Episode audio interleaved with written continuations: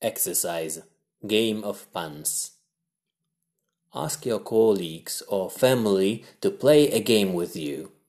Everybody, one by one, would be presenting the randomly selected name of the emotion to the remaining participants.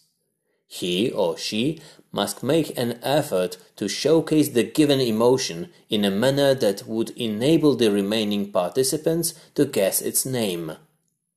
Draw a table on the whiteboard where the participants would be summarizing their scores.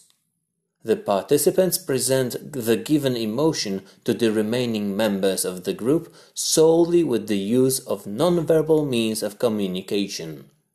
The rest of the group is trying to guess the emotion in up to two minutes. If the group makes a successful guess, the presenter gains two points while the person guessing gains a single point. At the end of the game, summarize the points and give an award to the winner. Try to discuss after the game. What ways were you using to show the answer? How did you present and express the emotions meant to be expressed?